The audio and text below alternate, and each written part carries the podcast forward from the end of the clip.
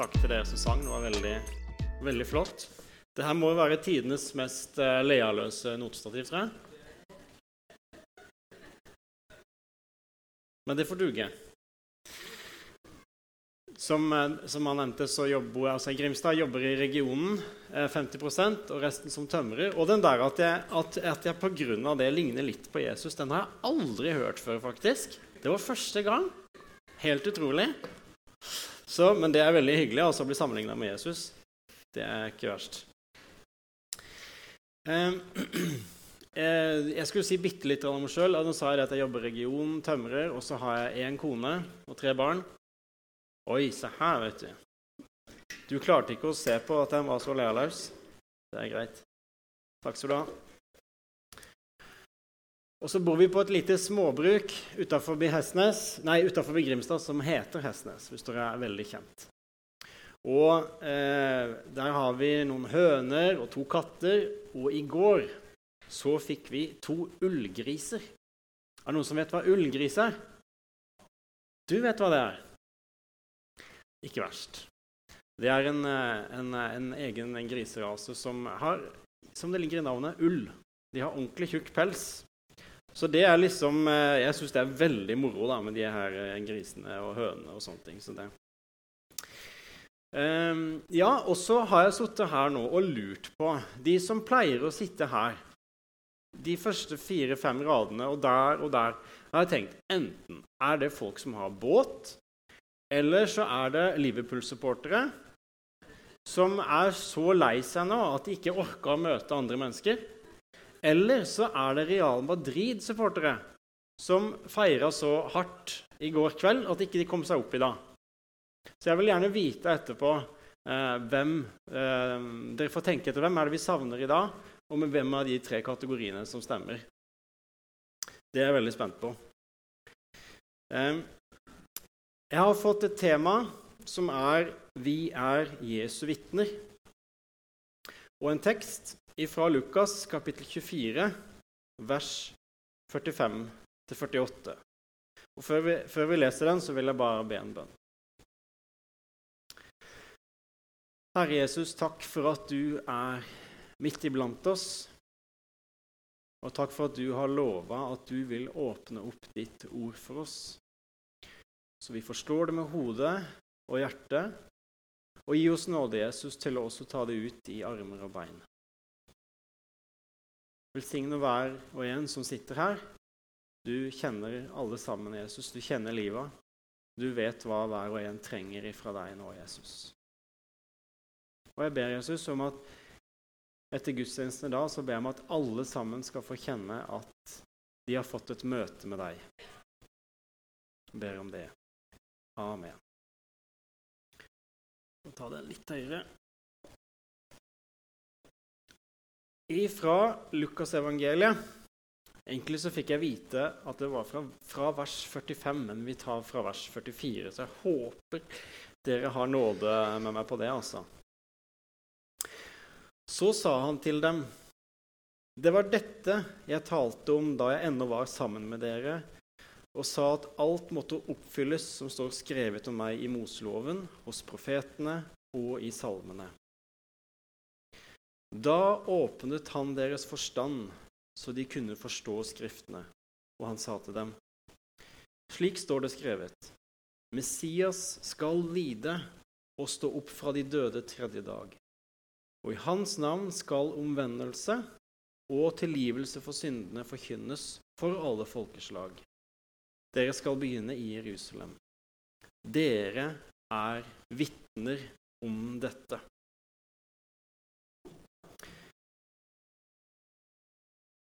Dette er altså rett før eh, Jesus eh, forlater de, reiser opp til himmelen, Kristi himmelfart, og han har en siste beskjed. At han sier at hele Gammeltestamentet, alt som står skrevet der, er egentlig skrevet om meg. Og han åpnet Skriftene for dem. Og jeg tenker med en gang på, Det var det han også gjorde med Emausvandrerne.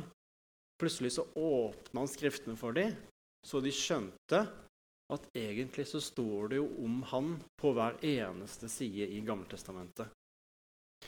Og de skjønte at han Det som hadde skjedd med han, at han hadde litt, at han hadde dødd, at han hadde stått opp igjen At det var ikke sånn en plan B fra Gud, men det var det som var planen helt fra begynnelsen av. Og Det krasja veldig med forventningene disse som de hadde i begynnelsen. Men han åpna Skriften, han åpna forstanden deres, så de skjønte at hans navn var skrevet på hver eneste side. Og dette skal de være vitner om, som han sier. Jo, hva, hva de skal være vitner om? Jo, at Messias skal lide og stå opp fra de døde tredje dag. Og at i hans navn skal omvendelse og tilgivelse for syndene forkynnes. Så det vi skal snakke om i dag, det er hvordan er det å være et vitne av Jesus? Eller hva er vi når vi er et vitne av Jesus? Og hva er det vi skal vitne om? Hva er det vi skal vitne om? For noen år siden, når jeg eh, jobba sammen med en, en, en kar eh, som tømrer, så satt vi der i brakka og snakka sammen. Og så fortalte han at han har hatt noen Jehovas vitner på døra. og sånne ting. Altså Jehovas vitner. Vitne. Den tok dere. Og så plutselig så kom han til å tenke på Ja, han der, ja, han der er jo sånn prest. kom han plutselig til å tenke på. Og han kikka på meg. Ikke at jeg er prest, men for han så var jeg det, da.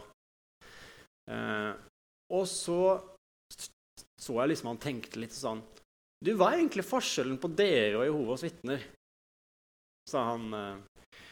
Og, og, når du får den der rett på deg sånn i brakka, så tenker du OK, hva sier jeg nå? Og det første som slo meg, som, fordi jeg er teolog, da, som er kanskje noe av den viktigste forskjellen, da, så sa ja, vi tror jo at Jesus faktisk var Gud. Hæ? Tror dere det? Han som levde for 2000 år siden, han var Gud?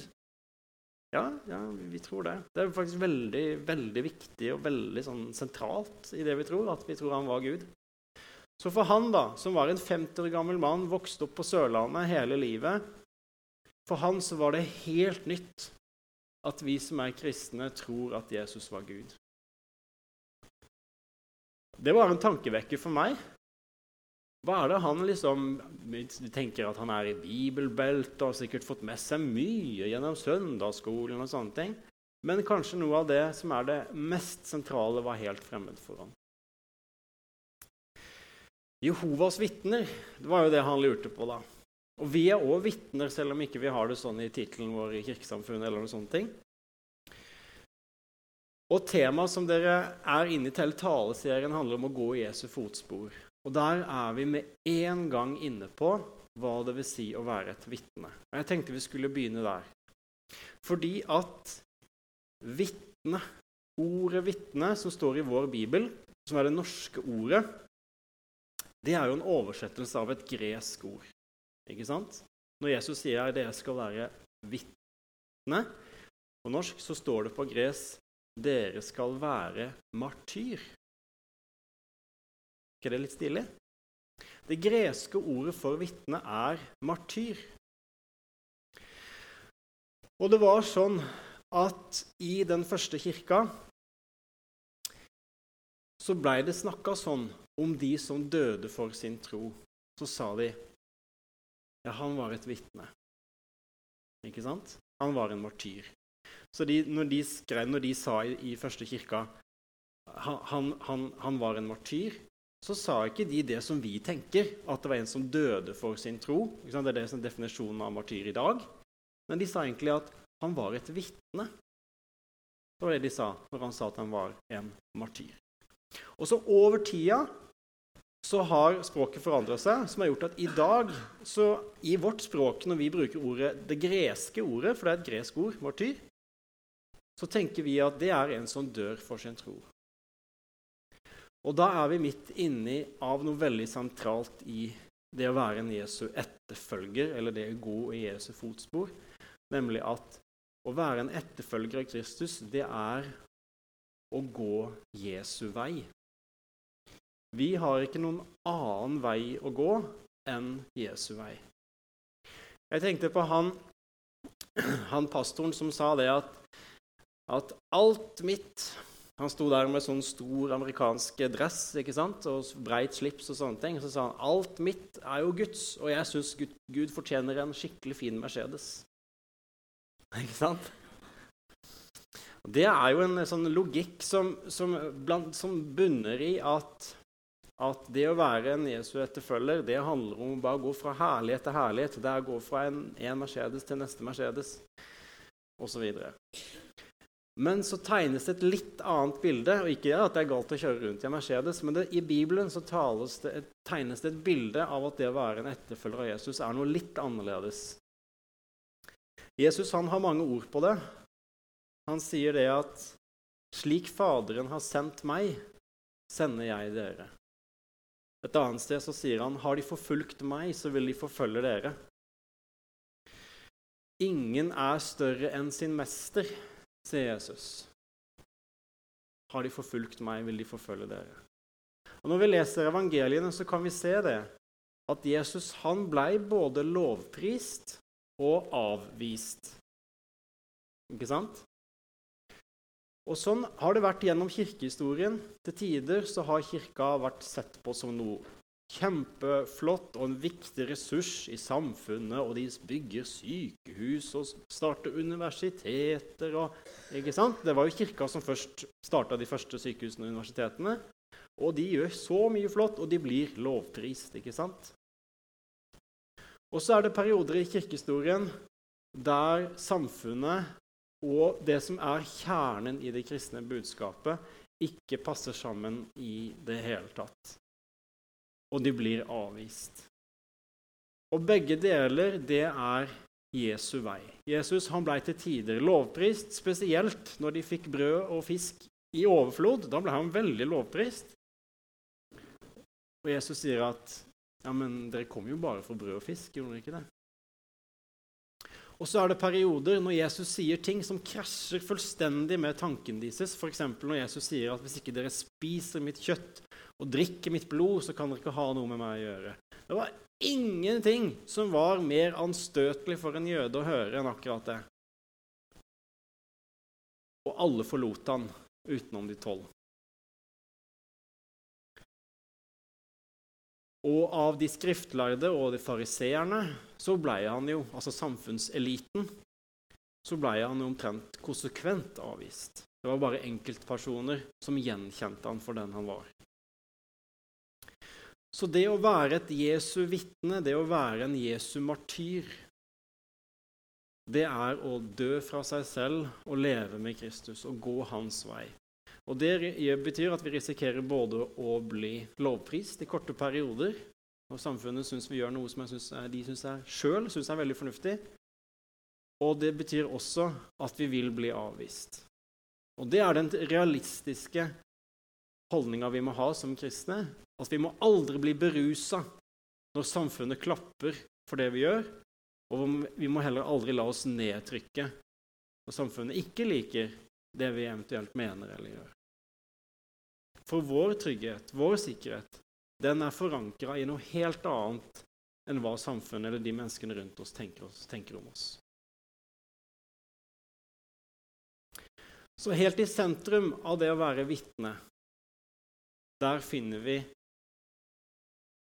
det som jeg snakka om nå, om å gå i Jesu fotspor, å gå hans vei. Det er ingen annen vei enn å gå hans vei. Og det er en vei til kors og til død, men som Paulus sier, at den som tar del i Kristi lidelser, skal også ta del i Kristi herlighet. Og så er det å være et vitne av Jesus, det er å være et vitne i ord og handling. Og jeg tenkte vi da skulle la oss inspirere bitte litt av hvordan det så ut i den første kristne kirke. Fordi at de blei lagt merke til. Ikke i hvor fromme eller hvor flotte eller hvor veltalende eller hvor rike de var, eller hvor fremgangsrike de var. Det var ikke det som gjorde at den første kirka ble lagt merke til i samfunnet. Men det var kanskje fremfor alt hvordan de takla motgang. Hvordan de takla vanskelige tider. Og hvordan de var f.eks. tro mot styresmaktene også når styresmaktene ikke kikka på. Hvis dere skjønner hva jeg mener med det. Det var ikke sånn at de var øyentjenere, men de gjorde det som var riktig, betalte skatt uavhengig av om styresmaktene la merke til det eller ikke. For de visste at de sto over en autoritet. De sto under en autoritet som alltid ser. Og så var de trofaste i ekteskapet. Det er en sånn en, uh, saying at den første kirke Det ble sagt om de at de er så rare, den der, den der kristne sekten som heter Veien eller De kristne. De deler alt utenom ektefellen. Vi gjør motsatt. Det sa samfunnet rundt. De ble lagt merke til fordi at de holdt ekteskapet høyt.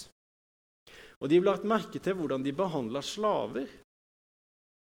Slavene og de rikeste av de rike kunne sitte ved samme bord når de møttes.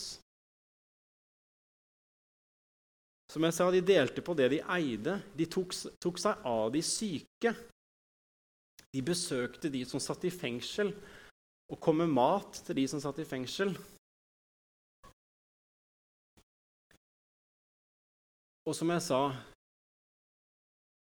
De vendte det andre kinnet til når de ble møtt med forfølgelse og hat og diverse utestengelser i samfunnet. Så, så møtte de ikke med sinne og hat tilbake. De møtte det med barmhjertighet og nåde. Og Alle de tinga her til sammen, det var et vitnesbyrd om at de tilhørte et annet rike. De tilhørte en annen konge. De sto under en annen makt enn det befolkninga rundt gjorde.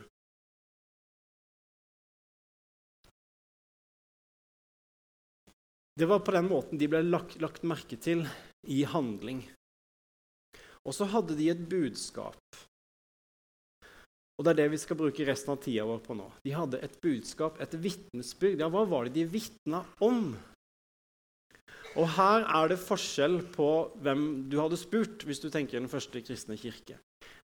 De som levde i en jødisk kontekst, og de som levde i en, i en ren sånn helenistisk kontekst, som det heter, eller i den, den romerske konteksten. Fordi at hvis du, hvis du var kristen og levde blant jøder, så hadde du en helt annen ramme for det å vitne enn det du hadde hvis du f.eks. bodde i Efesus eller om du bodde i Roma. Og Det handler om hvem du snakker til. Og Hvis du snakka til en jøde, skulle vitne til en jøde, så visste du at han kunne store deler av Gammeltestamentet utenat. Du visste at dere to hadde ca. samme verdensbilde. Altså vil si at De hadde ca. samme tankene om at det fantes en gud.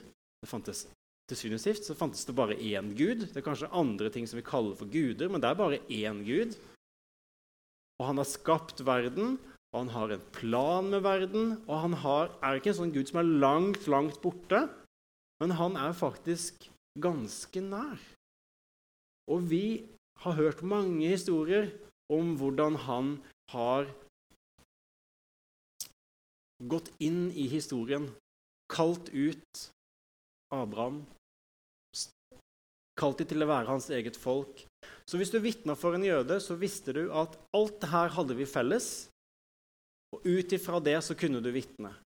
Da handla det egentlig om å gjøre det som Jesus gjorde her, at han åpna forstanden deres, sånn at de kunne forstå Skriftene på en helt ny måte. Men hvis du var i f.eks. bodde i Efesos og skulle vitne, så ble det litt sånn meningsløst f.eks. da å gå bort til en helt vilt fremmed i Efesos og si det at eh, Messias han skulle lide og dø og stå opp igjen. Og det har, det har nå skjedd. Det har nå skjedd. Han sto opp igjen. Denne vilt fremmede personen i Efesos ville jo riste på hodet og skjønne absolutt ingenting. Mes, messi, mes, hæ, altså, Messias? Hva er det for noe? Har det noe med massasje å gjøre? Jeg vet ikke. Stå opp igjen? Ja, men det vet vi, det går ikke. Det, det, det vet vi, det går ikke. Det er bare sånn, Hvorfor skulle det være gode nyheter at han døde? Ja, jeg tror for så vidt at det finnes Gud. Jeg tror det finnes mange guder, faktisk over 300. Og, og, og en av de, uh, Artemis, det er den som jeg tilber. Men jeg vet det finnes mange andre. Og hvem sa du var Javé? Ja, det har jeg ikke hørt om. Er han veldig sterk, eller? Altså, du skjønner at om du var et vitne i Jerusalem, eller om du var et vitne i Efesos, så måtte du angripe det på to helt vidt forskjellige måter. Og det å være et Jesu vitne, det er å ha det nøyaktig samme budskapet, men formidle det veldig gjennomtenkt på to vidt forskjellige måter om du da befinner deg i Jerusalem eller om du er i Efesos. Og Sånn er det også for oss i dag. Vi må tenke igjennom når vi formidler, når vi er vitner. Vi vitner om akkurat det samme. Jo, vi vitner om at Messias har dødd. Han har stått opp igjen. Og nå kaller han alle til omvendelse. Budskapet er det samme, og den, den setninga jeg sa nå Messias har dødd og stått opp igjen og kaller alle til omvendelse. Dere som sitter her, Forhåpentligvis så vil jeg tro at ganske mange av dere skjønner da hva jeg snakker om ikke sant? Og vet hva det er. Ja, jeg skjønner hva du sier. Men hvis vi sier akkurat det samme på Statoil eller på Rema 1000 eller til en kollega på byggevarehandelen, så vil han eh, Jeg skjønte noe av det, kanskje. Ja, jeg, altså Ja, dødd og stopp, det er jo det der med påske og sånne ting. Den der gamle eventyret.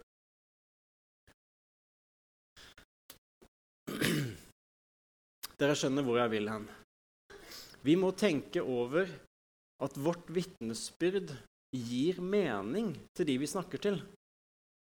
Og det handler veldig mye om verdensbildet.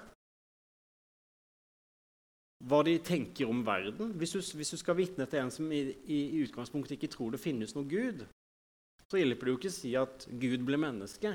Der detter han, der detter han av. For han trodde ikke det fantes noe Gud engang. Hvis jeg f.eks. hadde sagt til, eh, til en vill fremmed på gata 'Jesus døde for deg', og så er det sikkert forskjell på Vennesla og Majorstua om de hadde forstått hva jeg snakka om. Så det som er en veldig stor bit av det å være en Jesu vitne, det er å hjelpe folk til å forstå den rammen som evangeliet forkynnes inni, eller som på en måte som kors, kors, du har korset, og så har du en ramme rundt som gjør at korset gir mening. Er dere med? Et lite nikk. Veldig bra. Og jeg skal si litt om den rammen som gjør at korset gir mening. For det første det er at det finnes en Gud, og at han ikke er langt borte, men han er nær. Han er ikke bare en sånn en kraft. Det er mange som kan gå med på at det finnes en Gud, at det finnes en eller annen sånn kraft i universet. ikke sant? Men vi tror ikke at, det, at han er en kraft. Vi tror at han er en person. Og han har skapt verden med en hensikt. Og så Det er det ene som er veldig viktig å få på plass. Og faktisk det neste som jeg vil si er veldig viktig å få på plass, det kan kanskje komme som en overraskelse, men det er det som Jesus sier at verden ligger i det onde. Altså, Det er den sannheten om at vi bor i en fallen verden. ikke sant? Og det er omtrent det er jo det Bibelen starter med. Det er å først etablere det at verden er skapt. Det finnes en Gud, han har skapt verden, og den er i utgangspunktet god. Og så Det neste som gammeltestamentlige forfattere vil få på plass, det er at vi lever i en fallen verden. Menneskene ble skapt med en helt unik egenskap som skiller dem fra alt det andre skapte, og det er egenskapen til å velge å ikke la seg elske av Gud. Det er egenskapen til å ikke tro på Gud, ikke ha tillit til ham. Og det gir på en måte mening, fordi at Gud han vil ha mennesker som kan elske ham tilbake. Og så vet vi at tvang og kjærlighet det passer veldig dårlig sammen. Det ene på en måte utsletter det andre. Så Gud kan, kunne ikke skape da Hvis han ville skape eh, mennesker som kunne elske han, så måtte det være innenfor en form for frihet. Ikke sant? Hvis ikke så er det ikke kjærlighet. Og så forteller Bibelen at den veldig unike egenskapen til å, da, å velge å ikke elske Gud, og, velge, og ikke la seg elske av Gud, den brukte menneskene, eller misbrukte menneskene, den friheten. Og siden har verden ligget i det onde. som er en bibelsk formulering. Så det er viktig å få plass. Det finnes en Gud, han har en hensikt med verden, men verden ligger i det onde. Men Gud har ikke gitt opp, for å si det på den måten. Han har en plan. Og Når Jesus står at han åpna Skriftene for dem, for Emausvandrerne, så tror jeg faktisk han starta omtrent på side 1 i Bibelen. For rett etter fallet så sier Gud noe til slangen. Jeg vet ikke om dere har tenkt over det, hva han sier til slangen? Han sier, 'Jeg vil sette fiendskap mellom deg og Evas ett, eller menneskenes ett. Den skal bite Nei, du skal bite Nei, unnskyld. Du skal tokke på han, men den skal bite deg i hælen. Det ble litt dårlig sitert her. Det er rett fra um, hukommelsen. Men poenget her det skal komme en fra Evas ett som skal knuse Satans hode men når det skjer, skal slangen bite ham i hælen, som er da er et bilde på at han skal dø. Så omtrent fra side 1 i Bibelen så gir Gud et løfte. Jeg har en plan. Det skal en dag komme en fra Evas ett, altså fra et menneske, som skal knuse Satans hode, men den skal bite ham i hælen. Så fra, omtrent fra side 1 så gir Gud et løfte om at en dag så skal det komme en person som skal ta et oppgjør med alt som er av det onde, av synd og død i verden. Og med jevne drypp gjennom Gammeltestamentet så gis det hint om at Gud har en plan. Det skal komme en person. Han skal være konge, han skal være herre, han skal være øverste prest, men han skal òg være offer han skal være lam. Og han skal gi sitt liv for andre.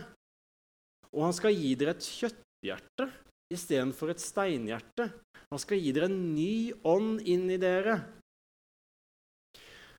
I Daniels bok så blir det gitt en profeti om at en gang skal Gud opprette et evig kongerike som aldri skal få gå, og det skal knuse alle de, alle de andre kongerikene. Og hans, kongens regjeringstid, skal aldri ta slutt. Jeg tror at når Jesus gikk sammen med Emausvandrerne, så var det bl.a. disse skriftstedene som de snakka om, og Jesus kasta helt nytt lys på, dem, så de skjønte at de måtte justere bildene sine litt av hvem denne Messias skulle være.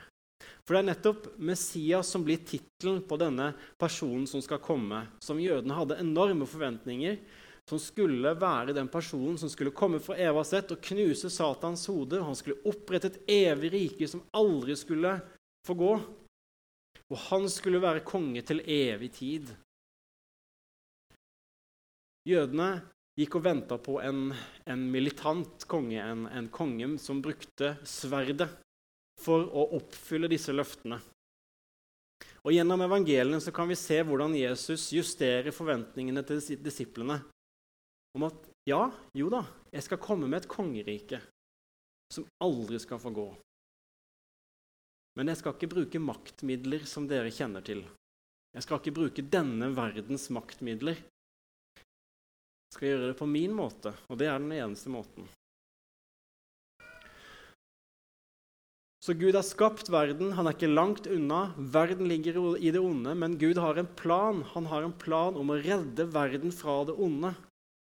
Han har en plan om å dømme alt som er av død og ondskap, og opprette et evig rike som aldri skal få gå. Og så tror vi, vi som sitter her i dag, at for 2000 år siden så var det en snekker fra Nasaret som var denne mannen som det var blitt, løft, blitt gitt løfte om helt ifra skapelsens morgen. Vi tror at det er sant når han da en eller annen ettermiddag i Nasaret gikk opp på en bruskasse og sa Tiden er inne. Guds rike er nært. Vend om og tro evangeliet, eller tro de gode nyhetene, som det betyr. Vi tenker kanskje ikke så veldig over det, men for en jøde så var det her liksom helt vanvittig. Tiden er inne. Det Jesus sier da, at disse løftene som nå har blitt gitt gjennom fire-fem mange tusen år om denne personen som skulle komme, nå er tiden inne. Guds rike, dette kongeriket som de har gitt løfte om i Daniels bok, er nært. Vend om og tro evangeliet. Tro de gode nyhetene. Og så er det Jesus sier her i Lukasevangeliet om at Messias skulle lide og dø og stå opp igjen, det er bekreftelsen på at de gode nyhetene om at Guds rike er nær, det er bekreftelsen. At Jesus døde og sto opp igjen, det er bekreftelsen på at det er sant. Og det han sa når han starta sin tjeneste med å si 'Tiden er inne, Guds rike er nær'. Og så kan vi si så langt av, Du har da stått snakka med denne karen på Circle K og, og, forklart alt det her. ikke sant? Det tok et par minutter. Og så Ops. Beklager. Og så sier han ja, OK, ja, jeg, jeg er helt enig at verden er skikkelig skakkjørt. Det, den er helt gått skeis. Jeg er helt enig. Og jeg er helt enig at det er mye mer logisk å tro at det finnes en gud, enn at det ikke finnes en gud. Jeg er helt enig, for hvordan kan noe bli til av seg selv? Så Verden må jo komme fra et sted, og det må komme fra noe som ikke er av materie. For da har jo materie skapt materie. ikke sant? Han har skjønt alt det der. Og så sier han ja, jeg syns det er gir absolutt mening at Gud har en plan om å skape en ny jord, en ny himmel, et nytt rike, der de alle de andre kongerikene, altså de alle andre maktene i verden som ikke er fra Gud, de er borte. Jeg er helt med. Jeg vil være med på det. Jeg, jeg er med. Jeg er med. OK? Og så sier du ja, men det er bare ett problem.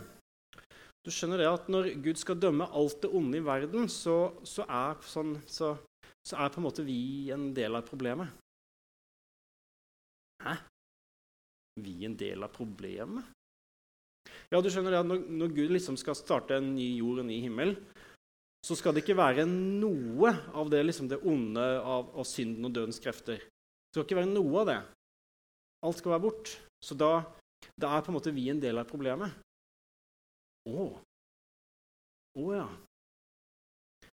Og det er egentlig denne sannheten som hele evangeliet, det gode budskapet, klinger på bakgrunn av. Det er hvordan kan Gud redde menneskeheten, redde verden, uten at menneskeheten går med i dragsuget? Og denne her karen på Statoil, eller Circle K Jeg blander det dessverre også. jeg Beklager det. Han sier det at ja, men jeg er jo en ganske over, jeg vil faktisk si at jeg er over gjennomsnittet snill person. Jeg er faktisk ganske god. Ganske god. Jeg betaler skatt. Jeg, eh, jeg, eh, jeg, eh, hjelper naboen når jeg får muligheten til det. Ja, og jeg er med i, frivillig i korpset og, og, selger de blomstene som jeg får beskjed om å selge. Og, ganske god. Og Så sier Jesus at det er fra hjertet mord, utroskap, begjær, hovmod Det er fra hjertet det kommer fra. Det er sånn at ondskapens røtter de har funnet en vei helt inn i hjertet vårt.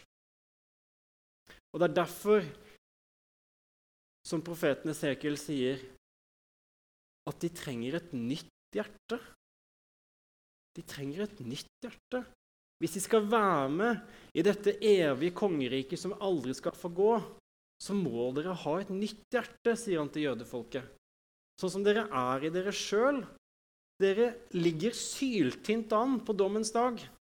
Når Gud skal ta et oppgjør med det onde og dødens krefter i verden. Dere, dere ligger syltynt an. Fordi ondskapens røtter har kommet helt inn i deres egne hjerter. Og de som har litt selvinnsikt, vet at det stemmer. Problemet ligger ikke primært hos naboen. Det ligger i mitt eget hjerte. Så når jødene hadde en forventning om at Messias skulle komme å ta et oppgjør med den romerske okkupanten, så måtte han si at nei, vet dere hva? Jeg er ikke så opptatt av den okkupanten. Jeg er ikke så opptatt av hvem som regjerer her i Jerusalem. Om det er en romer eller om det er en jøde, det er ikke så viktig for meg, sier Jesus. Det som jeg er opptatt av, den er okkupanten som er i deres egne hjerter. Det er den jeg har kommet for å ta et oppgjør med. Den okkupanten er deres problem. Det er den okkupanten som hindrer dere i å ta del i det evige riket som profeten Daniel vitner om.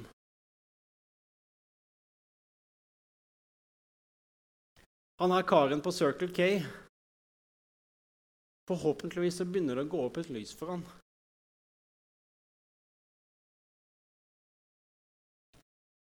Det håpet du har delt om en ny verden og en ny himmel, der ondskap og synd og død ikke finnes, det har truffet en nerve i han. Og han har skjønt at faktisk, hvis det skal være et fullkomment sted, dette nye riket, så, så passer jeg ikke inn. Men så har du delt evangelion, det gode budskapet, om at det er en som kan gi deg et nytt hjerte. Det er en som kan rense for all synd og skyld. Og dette står du nå på Circle K og vitner om. Du vitner om at det er en som kan ta et oppgjør, og han har faktisk gjort det på korset. Han triumferte over makten og myndighetene, sier Paulus. Og han har seira over de maktene som er okkupanter i ditt liv. Så hvis du lar han, så vil han gi deg del i sin seier. Det er det gode budskapet som Jesus har sendt oss som vitner for. Å dele de gode nyhetene om at slik verden er, den har sin tilmålte tid. Synden og døden har ingen framtid. Ondskapen har ingen framtid. Gud skal ta et oppgjør med det, og den dagen er i Bibelen kalt for dommens dag. Og så er spørsmålet hvordan kommer vi ut på den dagen? For det er bare ett trygt sted å være den dagen. Og Når Jesus sjøl skal forklare det her for disiplene sine, så bruker han historien fra utvandringa fra Egypt. Så sier han at på samme måte som når dere malte blod fra et uskyldig lam over døra deres, sånn at, sånn at dødsengelen gikk forbi, på samme måte så er det nå kun ett trygt sted å være, og det er det rommet der mitt blod er malt over dørstokken. Der er det trygt å være. Der er det trygt å være. Da vil dommen gå forbi. Og det er det evige budskapet vi som disipler og vitner av Jesus er sendt ut til å forkynne, som han sier her i vers 48.: Dere er vitner om dette. Og da må vi som kristne først la dette budskapet få ta rikelig plass i våre egne hjerter. Og la det få slå ut i både armer og bein, sånn som det gjorde med de første kristne. Og så må vi huske på at når vi vitner om dette, hvem er det vi snakker til?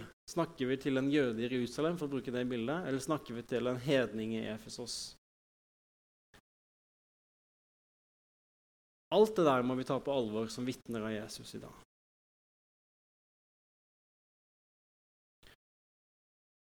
Og så er det et vers som ikke var en del av teksten i dag, men det er det verset neste verset. Det er vers 49. For der blir det gitt løfte om at det skal komme en som skal hjelpe oss med alt det er, og det er Den hellige ånd. Hjelpe oss til å vitne. Han skal minne oss om alt det Jesus har sagt, og hjelpe oss til å si det riktige i enhver situasjon. Uten det går det ikke. Vi avslutter der, og jeg håper at, at jeg nå har brukt Det ble kanskje mer enn en halvtime. Så, det, han ble så revet med at han har ikke sett på klokka. Eh, jeg håper at dere har fått sett det store bildet som jeg har prøvd å tegne, det som er vårt vitnesbyrd, det som er vårt budskap.